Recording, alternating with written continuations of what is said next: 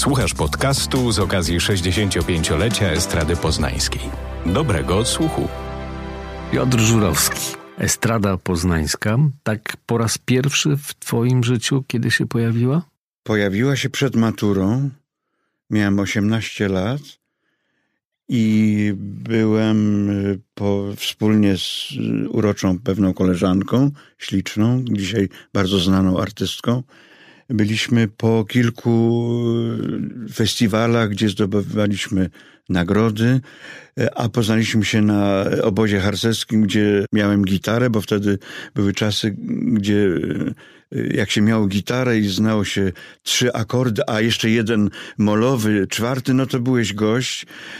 No, I wszystkie dziewczyny były no, w zasięgu? Nie, bo niektórzy byli klęczonami, a niektórzy byli krajskimi.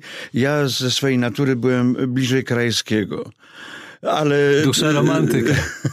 ale gitara wiele otwierała, że tak powiem, szlabanów. Znaczy łatwiej było nawiązać kontakt. Mówię to całkiem niepejoratywnie, tak? Czyli z Hanią Banaszak poznałeś się na obozie harcerskim. Tak, tak.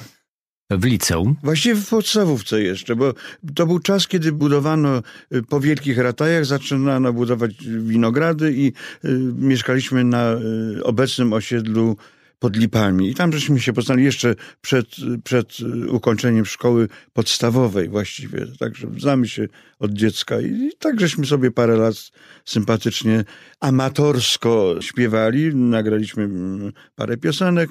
No, Pojechaliście do Jarocina? Pojechaliśmy do, do Jarocina i na parę innych festiwali. Wiedziałem, że Hania y, musi pójść swoją drogą, ponieważ y, była tak utalentowana, piekielnie muzykalna y, no, i piękną dziewczyną, więc była rozchwytywana przez, przez menadżerów i miała no, zdarzyło się tak, że wyjechaliśmy w zasadzie razem, ale osobno, każdy in, z inną propozycją do Wrocławia. Ona do samych swoich, a ja, ja do Impartu, do, do takiej estrady ówczesnej wrocławskiej gdzie zostałem zaangażowany do takiego programu estradowego.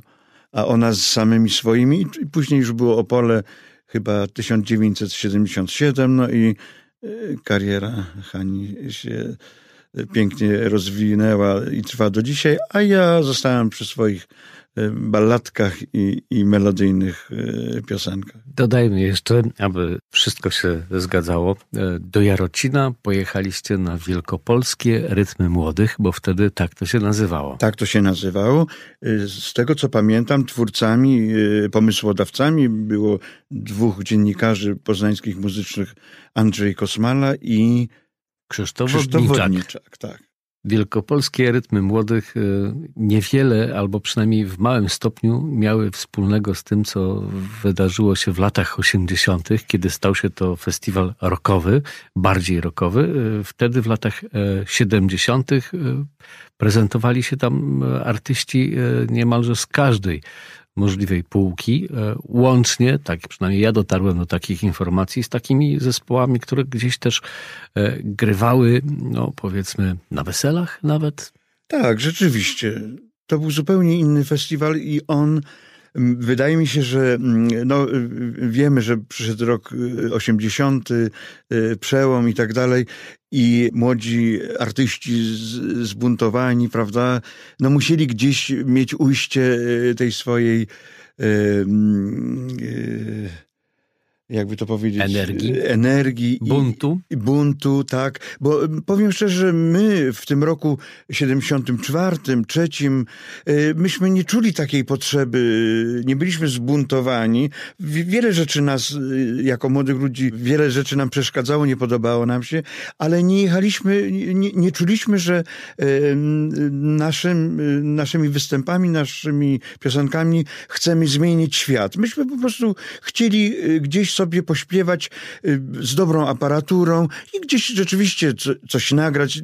Nie to, że marzyliśmy o jakichś wielkich y, estradach i karierze. Po prostu czuliśmy potrzebę y, śpiewania, grania, ale nie było to na tle politycznym czy, czy, czy buntu, tak? Było to, przynajmniej ja to tak odbieram, w takim nurcie e, folkowym, postkipisowskim. Tak, ponieważ no, myśmy się wychowali. Dzieci kwiaty. Gdzie, ci kwiaty? Gdzie ci kwiaty? E, oczywiście to, to już było po tej fali Woodstocku naturalnie, e, ale e, była to fajna przygoda, fajna zabawa i, i bardzo mile wspominam ten, ten czas. Jak e, wtedy funkcjonowała, przynajmniej w Twojej świadomości, e, funkcjonowała estrada poznańska? Estrada, yy, znaczy może tak. Yy, trzeba powiedzieć, że wtedy nie było prywatnych agencji artystycznych. Teraz jest ich bardzo dużo. W każdym mieście wojewódzkim była estrada, która się zajmowała szeroko pojętą rozrywką. I to była taka firma, jeżeli ktoś miał umowę ze stradą, taką nawet roczną, artystyczną, niekoniecznie etat, to było, to było coś. To, to już, a, ty jesteś ze strady poznańskiej, a estrada poznańska wśród tych 17 estrad w całej Polsce y, obok stołecznej i katowickiej, y, łódzkiej, to były takie wiodące, a w pewnym czasie estrada poznańska no, była jedną z najlepszych estrad, yy, dowodzoną przez dyrektora Nowotnego. W tym czasie pojawiły się mm, wymyślone przez między innymi, nie chcę skłamać, ale chyba Andrzeja Kosmale yy, również, międzynarodowe wiosny estradowe, które miały być takim porównaniem do Cannes gdzie odbywały się targi płytowe, a to było takie dla demoludów. I odbywało się to na kilka lat z rzędu na poznańskich targach. Skądinąd fantastyczne imprezy, gdzie z wszystkich bratnich, zaprzyjaźnionych państw y, socjalistycznych przyjeżdżały wielkie gwiazdy typu Wodraczkowa, Karel Gott y, i tak dalej. Można powiedzieć, y, że była to taka stajnia, gdzie no, rzeczywiście nie wiem w jaki sposób, bo chyba nie tylko y, ze względu na apanarze, ale dyrektorowi estrady ówczesnemu udało się przyciągnąć tutaj naprawdę wielkich, wielkich ówczesnych y, artystów. No, że wspomnę Krzysztofa Krawczyka, Tadeusza Woźniaka, y, zespoły Homo Homini, y, Ali, Alibabki. Vox. Vox. No, Gang Marcela. Później? To już później i nie chcę skłamać, to raczej były już ZPR-y, czyli Zjednoczone Przedsiębiorstwa Rozrywkowe. Natomiast w estradzie Wojciech Skowroński, Urszula Sipińska, Halina Frąckowiak, Zdzisława Sośnicka. No po prostu naprawdę y, to był kwiat y, polskiej estrady y, w tym czasie. Wspaniale pamiętam czasy, kiedy w sali obecnego, obecnej sceny na piętrze, a wcześniej siedziby kabaretu tej, odbywały się próby tych wszystkich znakomitych wykonawców, którzy wyjeżdżali na trasę organizowaną przez Estradę Poznańską i wtedy w tych salach na Maszlarskiej odbywały się próby, gdzie kilka dni zespoły y, ćwiczyły i później szlifowały repertuar i jechały y, bądź w Polskę, bądź przez Pagard za granicę. A jak wtedy wyglądała scena przy Masztalarskiej? No to była sala prób, to była, to była taka siermięga, po prostu krzesła składane, które właśnie pamiętały Teja. E, czyli Teatr Wielki w podróży, e, w, w podwórzu. Tak, tak, tak. Czyli trudno jeszcze było mówić o jakiejkolwiek takiej e, z prawdziwego zdarzenia scenie, skoro gdzieś to bardziej przypominało salę prób. Tak, ponieważ y, tam się jeszcze nie odbywały koncerty sporadycznie jakieś, zdarzało się, że jeżeli jakiś artysta nowy, typu na przykład, pamiętam, byłem na takim pierwszym recitalu nieoficjalnym Jerzego Grunwalda i grupy Enfas. Po nagraniu płyty ruszał z promocją tej płyty i dla 200 osób taki koncercik właśnie y, w sali obecnej sceny na piętrze y, dawał występ, y, żeby sprawdzić reakcję publiczności, czy piosenki są właściwie ułożone w kolejności to ona, ta sala tak spełniała te warunki. Natomiast bardzo dużo koncertów estrady poznańskiej odbywało się na targach. W hali 14, e, w kinie Olimpia, e, w, w sali kina pałacowego. Estrada nigdy nie miała swojej sali. No i tak szczerze mówiąc, poza sceną na piętrze, to nie mamy nadal. swojej sali tak na, na więcej osób. Ale no, są przymiarki do zmian. E, trzymajmy kciuki za te zmiany, które gdzieś mają nastąpić. Estrada pełniła rolę, już na pewno w latach 70. pełniła rolę takiej agencji koncertowej. Kto nie miał jakby możliwości, kto nie był zatrudniony w estradzie, praktycznie jakby nie istniał e, w show biznesie, jakbyśmy to dzisiaj powiedzieli. No, była to furtka rzeczywiście, a zwłaszcza dla dla bardzo młodych artystów, przyszłych adeptów, nazwijmy to, do których też myśmy się zaliczali y, z licznym gronem fantastycznych, obecnie y, znanych y, tobie Małgosi Ostrowskiej, Grzegorza Stróżniaka, Wandy Kwietniewskiej. O rok niżej, jak, przepraszam, nie wypominając, uczyła się w tym studiu sztuki estradowej Magda Bielecka, Dorota Żmijewska, Jadwiga Zawadzka, to one później y, pracowały albo solowo, bądź w chórkach u, u uznanych już gwiazd. No gdzieś trzeba było y, zaczynać, prawda? I estrada, i to studio sztuki estradowej dawało tę możliwość. I e, mieliśmy wspaniałych pedagogów, którzy e, za dosyć duże pieniądze byli sprowadzani do Poznania proszę mnie tylko teraz nie ciągnąć za język o, o, nazwiska tych y, wybitnych aktorów, śpiewaków, którzy z nami y, szlifowali repertuar. Wyglądało to tak, że każdy mm, z adeptów studia sztuki estradowej otrzymywał jak gdyby z rozdzielnika y, kompozytora i autora tekstu, którzy dla niego pisali dwie piosenki. On miał za zadanie przez te dwa lata te piosenki jako zaczynek, yy, zaczątek swojego przyszłego repertuaru. No różnie to bywało, ponieważ nie zawsze trafiano w, w nasze nie tyle gusta, co możliwości wokalne i czasami no, śpiewaliśmy piosenki, które nie bardzo nam leżały, ale nie wypadało nawet odmówić, bo czuliśmy się, no, że wypadało podjąć przynajmniej wyzwanie. Podjąć wyzwanie.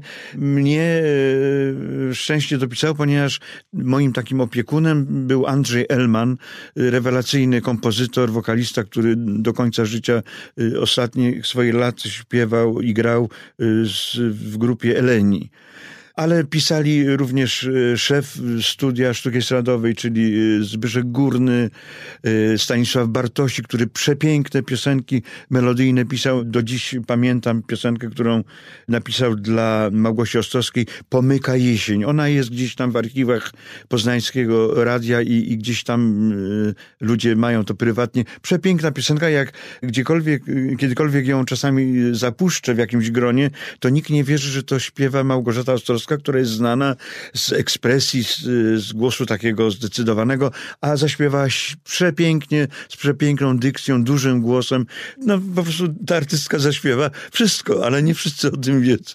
Studio, które kształciło, e, wykształciło wielu młodych e, piosenkarzy, e, którzy, część z nich, to też myślę też jest ciekawe, część z nich jakby zadowoliła się mm, tym, że może zarabiać e, śpiewaniem na życie, to e, nikomu absolutnie nic e, nie ujmując, ale myślę, że to były takie czasy, że wyjazd za granicę, śpiewanie na statku czy promie kursującym pomiędzy Polską a Szwecją, to były takie pieniądze, które potrafiły jakby. No, no... Dużo naszych y, kolegów i koleżanek y, wyjeżdżało na dłuższe kontrakty niż tylko rejsy, zwłaszcza do Skandynawii.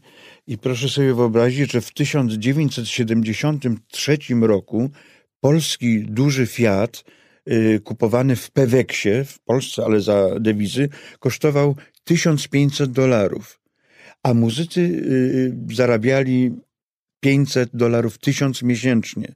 Czyli y, no, łatwo sobie obliczyć, że jeżeli zostawiając rodzinę na pół roku, yy, muzyk odkładał i przysyłał yy, żonie na utrzymanie dzieci i tak dalej, to yy, no, naprawdę, jeżeli ktoś y, szanował te pieniądze i nie przetrwonił ich, to całkiem spokojnie ta rodzina mogła żyć i on mógł sobie kupować y, wspaniałe, niedostępne wówczas w Polsce instrumenty.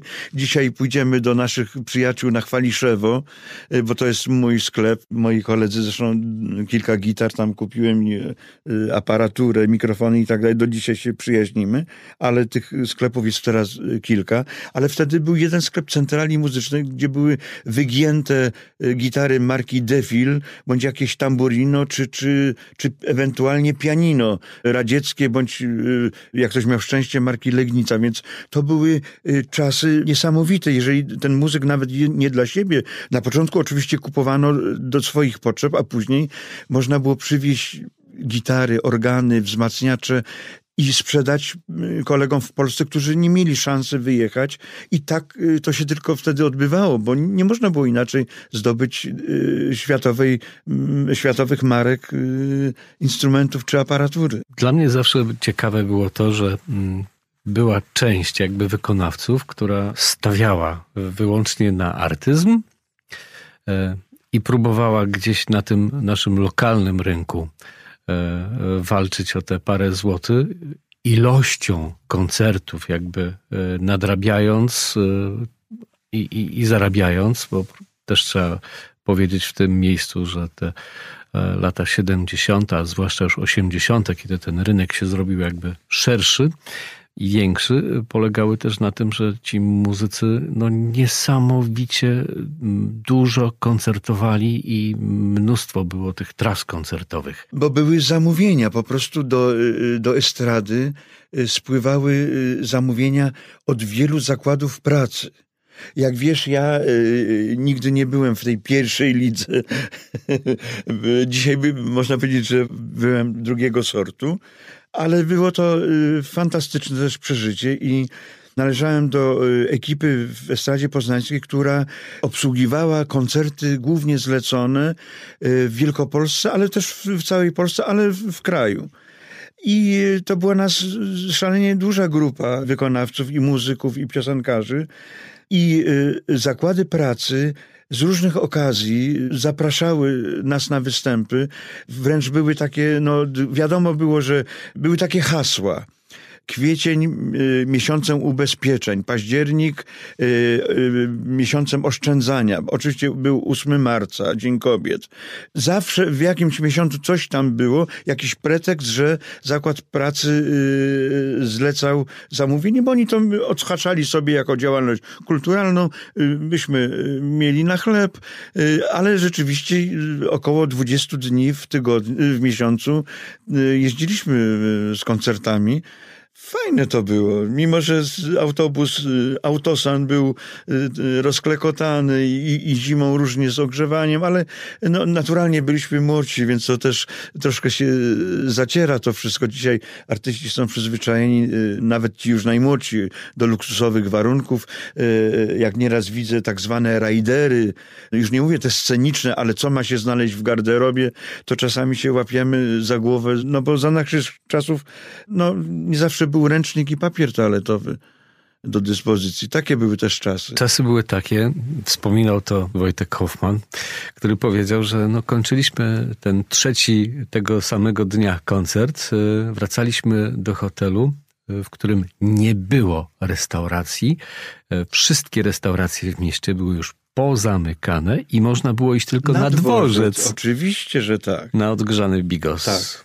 I jak ktoś miał szczęście i to nic mu nie było nawet po tym bigosie, bądź po klopsach mielonych. Oczywiście one były y, dezynfekowane drobnym alkoholem i wtedy nie przypominam sobie, żeby ktoś y, z tego powodu ucierpiał. Wspomniałeś o tym y, niedogrzanym autosanie. To też jest warte przypomnienia, że Wtedy Estrada Poznańska posiadała swój park samochodowy. Ależ tak, Estrada w ogóle liczyła etatowych pracowników około 120 osób. Był dział techniczny, dział y, biurowy y, i na ulicy Egerstrema, nie wiem czy dobrze wymawiam, patrona przepraszam, jeżeli troszkę zniekształciłem, tam był dział transportu, gdzie były y, nyski, czyli takie busiki, były ciężarowe y, samochody i kilka mm, autobusów, które, które woziły nas y, po tych y, drogach Wielkopolski i nie tylko. Estrada poznańska słynęła też z dobrego sprzętu nagłaśniającego. No, przynajmniej w latach 80. już. Nie narzekaliśmy. Nie wiem, na czym polegały te kontakty, natomiast mieliśmy przez wiele lat dobre aparatury marki Dynakord zachodnio-niemieckiej i z tego co wiem, częściowo były one kupowane właśnie z tych targów międzynarodowej wiosny estradowej. Wiem, że tam były też taki osobny dział z aparaturami i z tego, co sobie przypominam, to część y, była jakoś kupowana, jak gdyby z, z wystawy, czy no, y, niestety nie znam szczegółów. Ci z Państwa, którzy bywali na międzynarodowych targach poznańskich, też pewnie pamiętają, że e, część tego sprzętu nie wracała później do Francji, Wielkiej Brytanii, tylko gdzieś tutaj e, no, znajdowała nabywców, mniej lub bardziej legalnie. No tak tak to, się, tak to się wtedy działo, bo jak sam powiedziałeś, no ciężko było. Po bardzo prostu ciężko, nie można było bardzo, normalnego bardzo. sprzętu kupić w normalnym sklepie. Bardzo, ale powiem, że nie zazdroszczę y, dzisiejszej młodzieży. Cieszę się, że po prostu jeżeli stać rodziców, idą z tym chłopakiem czy dziewczyną do sklepu i kupują y, markową gitarę, może nie z najwyższej półki na razie, bo nie wiadomo, czy to dziecko y, będzie przejawiało dalsze talenty, ale że jest możliwość, że nie trzeba kombinować. Jeżeli ktoś y, ma te pieniądze, i fajnie jest, że może zrezygnować dla tego dziecka, czy samo, sama młodzież może sobie y, zamiast jednego piwka, czy tam pudełka czekoladek uzbierać i, przynajmniej na te struny, tak, żeby, a tata dołoży na gitarę, że jest to możliwe, bez, bez jakiegoś takiego wydzierania pazurami krwawego. Y, co myśmy y, przeżywali. Koledzy akustycy y, budowali sami kolumny głośnikowe, wzmacniacze, kamery pogłosowe, ponieważ tego nie było.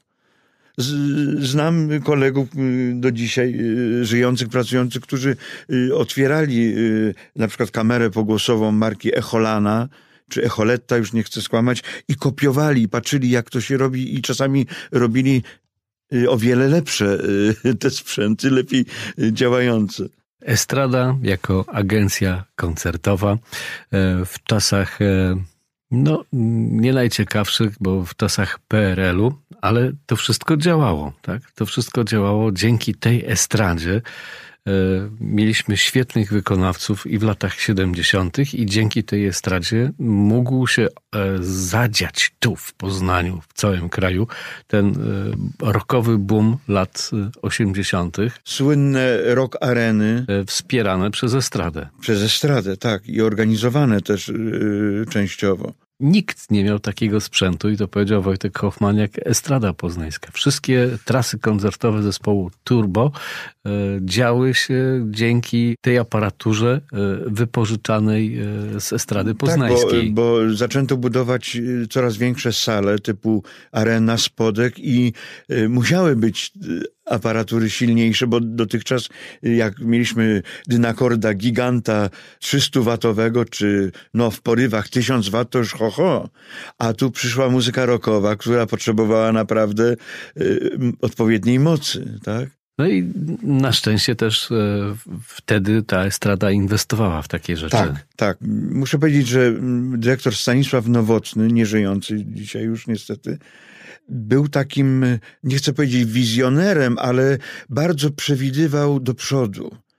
I ponieważ nie można było, y, oficjalnie nie było czegoś takiego jak zawód menadżera, był taki kierownik objazdu, tego, ale, ale ktoś, kto się opiekuje artystą i e, dba o jego repertuar, to co dzisiaj robi wielu, e, prawda, e, zawodowych menadżerów, tak jak od 40 lat ma menadżera Krzysztof Krawczyk. Takich funkcji w ogóle nomenklatura nie przewidywała, także się różnie kombinowało, żeby, żeby no, nie było impresarii tak?